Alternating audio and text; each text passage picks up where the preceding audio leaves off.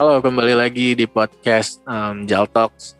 Tapi kali ini bukan episode yang um, dibuat karena keisengan, melainkan episode yang dibuat karena memenuhi kriteria penilaian UTS, mata kuliah um, manajemen sumber daya manusia ya.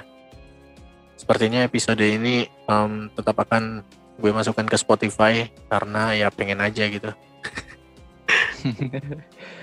di sini gue nggak sendiri, ada temen gue. Um, silakan memperkenalkan diri. Ya, halo nama nama gue Muhammad Afizena. Di sini gue bakal menjadi lawan bicaranya Irzal dan kita ini akan bahas sesuatu yang cukup menarik. Coba Zal, spill kita bakal bahas apa nih? Jadi kita di sini bakal bahas oh, mengenai rekrutmen dan seleksi ya, seleksi dan tes. Karena dua materi itu um, ada di perkuliahan kami di Before Mid semester 2 ini dan menurut gue akan jadi sangat seru sih. Iya nggak sih? Iya bener bener bener seru banget ini. oh iya ya, by the way lupa nih. Sorry banget um, untuk terutama ya terutama Bu dosen atau Mbak asisten dosen atau siapa pun yang mendengar podcast ini misalnya nanti ada kalimat eksplisit mohon dimaklumi karena ya biasalah anak muda. ya ya ya benar benar benar. Uh, maaf ya Bu, Mbak. Oke Jal, sebelum kita ke pembahasan nih Jal. Pembahasan kita kan itu rekrutmen dan seleksi.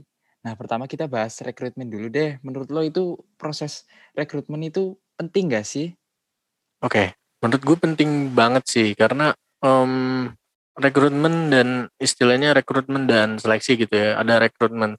Dari rekrutmen tuh kita bisa dapat um, calon-calon karyawan gitu. Nah dari situ kan kalau misalnya kita nggak melakukan rekrutmen perusahaan nggak bakal dapat um, kandidat uh, karyawan gitu kan dan menurut gue pentingnya rekrutmen ini untuk um, selain memperbarui um, SDM yang ada di perusahaan juga um, mungkin bisa menaikkan performa dari misalnya produksi atau apa pun itu dalam perusahaan ya menurut gue gitu sih oh oke okay, oke okay, oke okay. kalau kalau menurut gue sih ya sama kayak pendapat lu tadi, cuma gue mau nambahin dikit nih tentang seleksi. Jadi menurut gue seleksi itu penting banget buat perusahaan untuk Boleh boleh. uh, dalam rangka menemukan kandidat yang tepat dalam salah satu posisi di perusahaan itu sendiri. Hmm, hmm, hmm. benar benar. Oke nih. Jadi kita di sini sama-sama apa? Tukeran ilmu kali ya. Ah, benar benar benar. Sekarang gue yang tanya nih kalau ada uh, semisal ya, kalau ada tahap tes uh, maaf saya, saya ulangi, saya ulangi. benar Dan kaku dong. Iya. Sekarang gue yang tanya nih, kalau ada tahap tes dan seleksi ataupun rekrutmen dalam perusahaan, menurut lo sendiri itu di Indonesia masih bergantung dengan yang namanya orang dalam gak sih? Dan Oh, menurut lo itu kebiasaan atau kebudayaan seperti itu tuh bisa hilang atau enggak gitu? Mulai berat ya. Oke, um, kita coba realistis deh ya. Dan sebelumnya by the way, disclaimer ini akan jadi sangat sensitif menurut gue untuk beberapa orang karena kita bahas sesuatu yang cukup sensitif gitu kan. Mungkin ya ya ya sensitif gitu karena ini akan bahas orang dalam karena lu nanyanya orang dalam. Jadi ini purely pendapat gue um, dengan Afis. Oke, okay, um, back to the topic. Tadi pertanyaannya, um, apakah di Indonesia masih banyak yang bergantung dengan orang dalam ya? Dengan yakin gue jawab ya. Dengan yakin gue jawab ya. Karena berdasarkan apa yang gue lihat dari um, orang sekitar gue gitu ya. Dan gak cuma satu dua orang menurut gue yang pakai orang dalam itu. Kita ambil contoh kecilnya, bikin SIM deh, membuat SIM SIM itu kan secara resmi harusnya ada um, kayak tes teori, tes praktek dan segala macamnya ya. Um, nah, Zal, Zal, Zal, maaf mau motong sebentar. Gimana gimana? Uh, lu pas bikin SIM itu nyogok atau tes atau belum tapi ke depannya mau merencanakan gimana nih mau nembak? Gue rencana atau gue rencana sih mau daftar online sih. Kan sekarang bisa online ya daftarnya. Oh iya benar benar benar. Dan nanti daftarnya online, tesnya datang ke Polres gitu. Kayaknya untuk orang dalam kayaknya enggak sih, gue enggak banget sih. Aduh. Oke oke, okay, okay. back to topic. Okay. Dan gue tahu um, tahu banget gitu ya, tahu pasti pasti ada oknum nakal, baik calo atau yang lain gitu. Aduh, Mensugin sorry banget nih kalau ada yang tersinggung atau gimana. Pasti ada orang dalam atau um, calo yang bantu gitu loh. Udah lu gak usah tes ini bayar ke gue 700 ribu simnya langsung jadi. gitu kan. Gue gue nggak nggak menutup kemungkinan ini terjadi di lingkungan gue gitu loh. Terus yang pertanyaan kedua, bisa hilang atau enggak? Um, gue nggak tahu dan gak bakalan bisa mastiin sih. Bisa hilang atau enggak. Dan kalaupun gak hilang, seenggaknya harusnya ada pencegahan gitu gak sih? Mencegah. Iya, gitu. bener-bener. Eh, kita sebagai generasi muda ya setidaknya mencegah hal tersebut terjadi. Benar. Dan gue baca-baca juga nih di internet sebenarnya praktik yang menggunakan orang dalam ini tidak hanya terjadi di Indonesia, Zal. Iya, pasti Namun terjadi sih. Di negara-negara lain, bahkan di negara-negara maju pun sebenarnya ada juga praktik seperti ini. Hmm. Namun di negara maju itu kemungkinan atau persentasenya itu lebih kecil dibandingkan dengan negara-negara berkembang. Iya, ya. Tentunya seperti Indonesia. Hmm, ya ya paham, paham. Karena udah dari dulu sih kayaknya yang orang dalam orang dalam gini. Iya benar-benar. Nah itu um, ya, yang... dan menurut gue ini udah jadi hal lumrah banget kan di negara kita banyak orang yang sampai kayak jor-joran ngeluarin dana demi keterima kerja lah ya, demi um, keterima sekolah, demi terima kuliah dan lain banyak hal lah pastinya. Banyak banget sih menurut gue. Padahal nggak menjamin juga nanti bakal betah di pekerjaan tersebut atau di kuliah tersebut yang malah udah mengeluarkan biaya banyak-banyak, eh malah nggak betah, padahal udah mengeluarkan banyak uang agar keterima di situ gitu Nah, iya itu. Jadinya ruginya itu dua kali lipat malah. Iya. Yang paling ironi juga menurut gue itu sekolah sih, karena gue rasa sejak SD pun kayaknya kita udah diajarin untuk anti korupsi ya, dari anti korupsi. kecil bahkan. Iya ya. Gak boleh nyuap lah gitu-gitu. Nah ya bener. Dari situ gue menurut eh dari situ menurut gue ilmu yang sangat penting yang harus kita gali dan kita implementasikan di ya. kehidupan nyata. Iya benar-benar. Um, pengalaman juga, gue dulu waktu SMP sekolah di bisa dibilang sekolah favorite gitu ya dan temen gue tuh nggak cuma satu dua orang yang ternyata gue tahu tuh dia lewat jalur belakang gitu loh nggak cuma satu dua orang hmm. Kenapa kenapa mereka itu gak lewat jalur samping aja Zal apa apa karena jalur samping itu kemahalan gitu dibanding jalur belakang Oke oke, mungkin nih ya Zal, orang di luar sana nggak tahu nih proses atau tahapan-tahapan dalam rekrutmen tuh apa aja. Bisa kali dijelasin? Oh ya, Om, setelah gue pelajari sih ya, tahapan yang ada di tahap rekrutmen tuh ada yang pertama pemasangan iklan lowongan kerja pastinya. Baik di media um, tradisional atau digital tradisional tuh contohnya kayak pamflet, brosur gitu-gitu ya. Terus ada seleksi administratif kayak ngisi formulir gitu kan. Terus setelah itu tes psikologi atau kesehatan, lalu interview yang biasanya sama um, HRD. Setelah itu baru deh tuh pemilihan kandidat. Oh iya, iya, iya. mantap mantap. Ya itu sih yang gue tahu. Oh ya nih, um, ngomong-ngomong tadi kan kita bahas rekrutmen dan rekrutmen tuh selalu ada atau ada kecurangan gitu loh, Fis. Gue nih oh, iya. ada kasus nih, gue bacain ya. Gue nemu di metro.tempo.co. Headline-nya, Satgas endus kecurangan rekrutmen timnas U20. Dan lu tau gak ketua PSSI ngomong apa? Ngomong gimana itu? Wajar. ya berarti emang dari dulu emang itu udah Iya. budaya yang melekat di kita. Iya. Wajar sudah pasti terendus lah atau apa pun itu. Terus gimana tuh bang tanggapannya? Menurut gue, em gak usah ada yang main-main lah. Kalau misalnya apa ya, istilahnya gue bicara soal bola aja nih. Kayak ngatur skor, gitu-gitu kan. Kayak penitipan pemain gitu-gitu nggak usah di em, manipulasi gitu kan. Dan ini gue baca em, sebelumnya Wakapolri Komisaris Jenderal itu udah memetakan potensi kecurangan dalam perekrutan timnas U20. Karena itu Hmm. ia memerintahkan Satgas Anti Mafia Bola Jilid 3 untuk mengawasi gitu loh. Karena udah terendus duluan dan Oh, Hmm, dan ke depannya langkah-langkah eh, yang dilakukan sudah ditentukan katanya. Terus apabila masih ada yang melanggar hukum akan ditindak tegas gitu loh. oh iya iya ya. mungkin saking eh, meresahkannya mungkin ya, Hmm. jadi terendus gitu. Ya ya benar benar. Hmm. Tapi bisa dibilang orang em, hidup gitu ya, hidup dengan orang dalam tuh tentram sih walaupun salah. Iya iya benar banget itu benar. Benar. mantap. Lebih terjamin maksudnya. Maksud saya lebih lebih tentram karena ya sudah terjamin gitu Oh, kan. iya. Nggak usah nggak usah turun ke lapangan.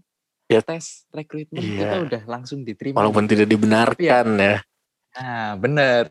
Ini juga benar ini. PR nih. Tidak dibenarkan ya teman-teman semua. Oke, next kita bahas apa nih? Kita eh, bahas materi kedua dong. Masa lupa.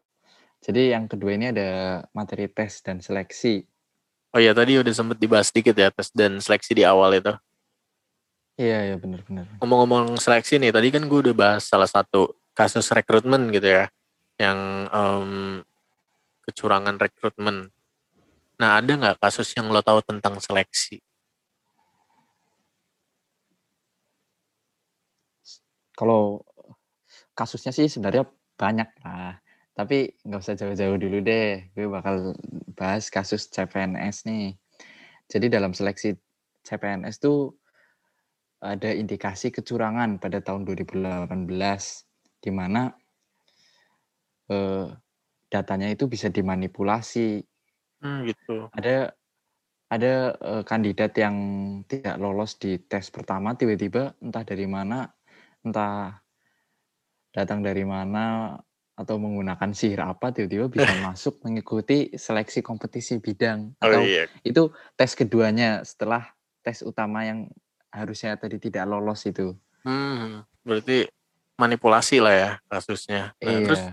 dari situ tuh pemerintah udah ada solusi atau jalan keluar belum sih? Nah, pemerintah sendiri akhirnya mengeluarkan solusi dengan memasukkan data peserta yang lolos SKD ini ke sebuah sistem komputer yang bernama komputer yang bernama Computer Assisted Test atau disingkat CAT yang merupakan milik BKN. Nah, hasilnya itu peserta yang tidak lolos dengan SKD secara otomatis tidak akan mengikuti SKB karena namanya juga Nggak ada tidak ya? terdaftar, Iya, ya iya. nggak nggak bisa login istilahnya gitu. Berarti sangat menggunakan teknologi ya. Iya kan kita udah serba di digital ya. Ya. Nah, ngomong-ngomong seleksi dan tes nih. Tujuan dari tes dan seleksi itu apa sih? Dan buat apa sebenarnya hal tersebut dilakukan oleh perusahaan atau organisasi? Tujuan adanya tes itu tujuan adanya tes dan seleksi adalah sebenarnya agar perusahaan atau organisasi mendapatkan orang yang cocok dengan pekerjaannya, termasuk dengan nilai-nilai yang terkandung dalam organisasinya. Jadi itu ada orang yang cocok dengan pekerjaannya namun tidak cocok dengan nilai-nilai yang terkandung dalam organisasinya gitu loh, Zah. Hmm, hmm, Jadi hmm, paham. harus cocok dengan keduanya gitu. Ya, ya. Oh, nih gue, gue mau tanya nih, Bang Irzal pernah denger nggak The Right Man on the Right Place? Pernah, pernah, pernah. Pernah dengar istilah itu. Kalau nggak salah kan istilahnya em, intinya tuh orang yang tepat pada tempatnya dan menduduki jabatan sesuai kemampuannya. Nah, benar sekali. Jadi salah satu dari tujuan adanya tes dan seleksi itu ya untuk mendapatkan right man on the right place atau menempatkan orang yang tepat pada dudukan eh Nah, saya ulangi lagi nih. Jadi salah satu tujuannya yaitu untuk mendapatkan right man on the right place atau menempatkan orang yang tepat pada tempatnya dan menduduki jabatan yang sesuai dengan kemampuannya. Nah, tujuan Hmm. selanjutnya ini sebenarnya berhubungan dengan finansial, Zal. Hmm, Gimana tuh? Jadi dalam perusahaan atau organisasi kan itu sendiri kan ya dananya mungkin tidak terlalu besar ya. Jadi bisa menggunakan tes dan seleksi. Ada pepatah menyebutkan bahwa hemat itu pangkal kaya, Bang. Apa hubungannya? Jadi karena rekrutmen eksternal itu pasti membutuhkan biaya yang tidak murah karena harus memasang pengumuman di media massa, di menggunakan banner atau bahkan menempel di tiang listrik yang Mhm. seperti tukang sedot WC itu, Bang. Sewa Tentunya hal itu Iya, benar benar benar. Nah, tentunya hal tersebut akan mengeluarkan biaya. Belum lagi penyelenggaraan tesnya pasti juga akan men- mengeluarkan Biaya biaya yang banyak karena kandidatnya itu nggak nggak cuma satu dua doang. Hmm, Nah, hmm. kalau ada yang efektif dan murah, kenapa enggak kan? Oh, iya, iya, iya. Benar juga sih. Tapi gue mau nanya nih, kalau lewat jalur belakang, apa itu termasuk ada pemangkasan biaya gitu? Ya, itu itu bisa dibilang ya begitu. Selain menurunkan biaya, hal itu juga akan menurunkan kualitas sumber daya yang dimi sumber daya manusia yang dimiliki oleh perusahaan itu sendiri. Malah kadang nih ya Zal, Ya. eh, bukan hanya menurunkan biaya saja itu, tapi oknum yang menyeleksi juga biasanya mendapatkan imbalan karena udah ngelulusin Hmm. tanpa adanya suatu seleksi gitu. Oh iya iya iya sih sih. Pasti dapat ya. Iya, biasanya Cipratan gitu bahasa kasarnya. Ya masa gratis sih dikasih. Selanjutnya nih, hal penting apa aja sih yang harus diperhatiin dari tes dan seleksi itu? Hal yang harus diperhatiin dalam tes dan seleksi itu sebenarnya apakah tes tersebut valid dan reliable. Jadi kalau valid itu tesnya mengukur apa yang harus diukur. Misalkan eh, Bang Irzal nih menjadi kasir, Hmm. ya Bang Irzal diukurnya ya tentang kemampuan Komunikasi, berkomunikasi, kemampuan eh, apa ya, menahan emosi kali ya Bang. Menahan emosi. Takutnya, takutnya nih ada pelanggan itu di, eh, di dalam toko menyanyikan lagunya Aldi Taher itu kan suatu cobaan ya bang? Itu cobaan paling berat kayaknya. Di- koruptor pun disuruh dihukum seperti itu Aldi nggak bakal mau kayaknya. Nah, Novel di Taher anjir. Nah yang kedua itu ada reliable tesnya itu dapat dipercaya kalau reliable ini bisa dilihat dari hasil konsistensinya misal dengan melakukan dua tes yang sama tetapi di waktu yang berbeda. Kalau hasilnya berbeda, itu patut dipertanyakan itu has- hasilnya. Hmm, Apakah yang paham, mengerjakan beda orang atau memang eh, memiliki Kepribadian ganda. ganda, benar-benar. Oke oke oke. Dan yang gue tahu nih, em, kan ada candidates right ya atau hak para kandidat.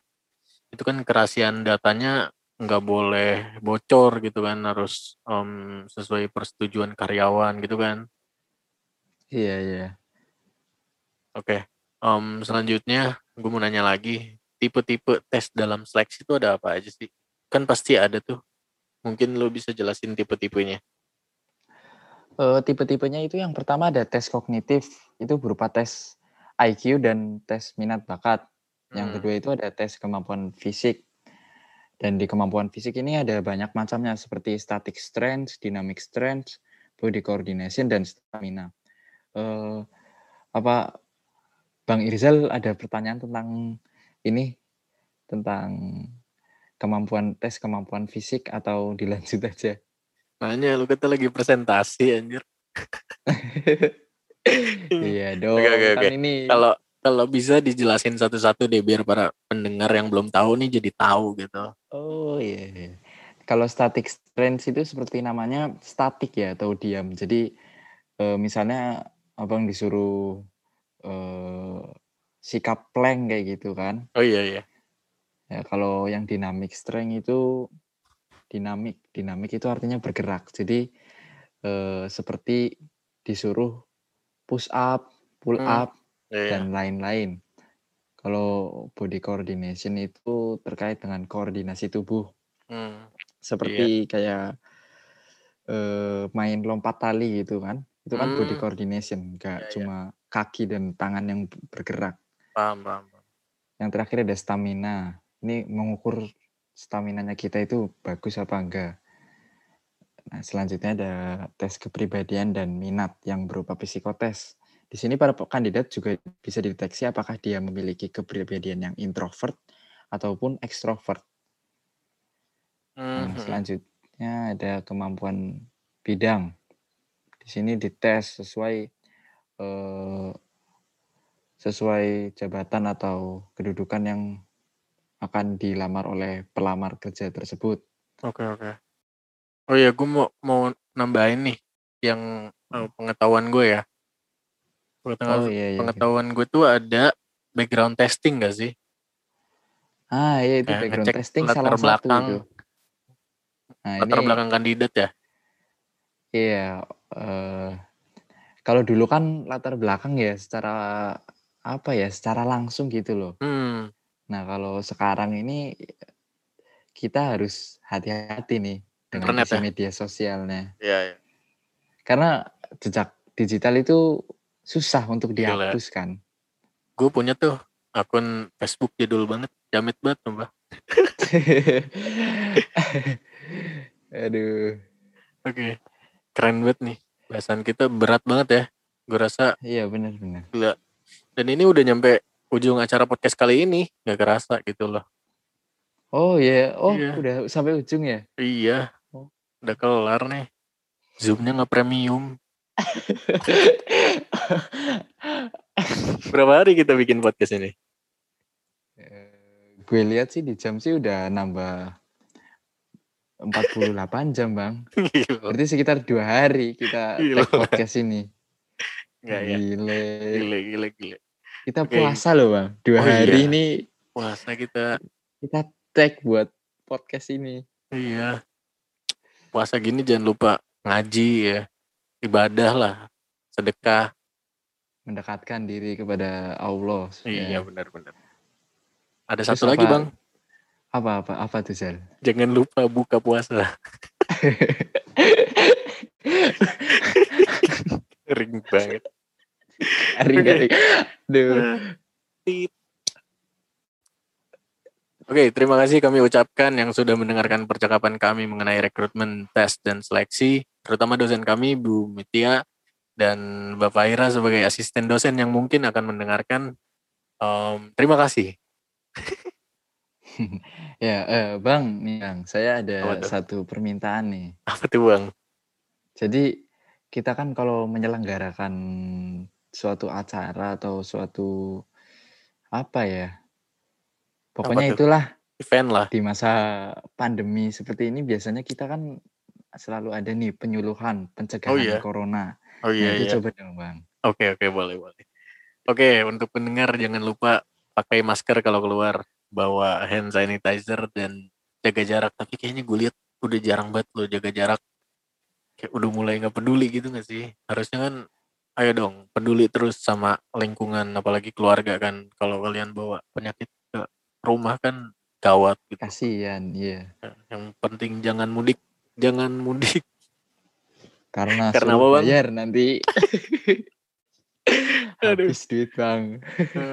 Dan yang terpenting harus senang hati sih, harus senang hati biar aman terus. Ya, itu bener banget itu. Jadi kita tuh harus senang terus karena biasanya tuh orang yang sedih, hmm, Kenapa bang? apa ya? Yang sedih itu ya, ya nggak seneng. Sedih nggak seneng lah. Okay, thank you so much for listening to this podcast. Goodbye and I'll see you soon.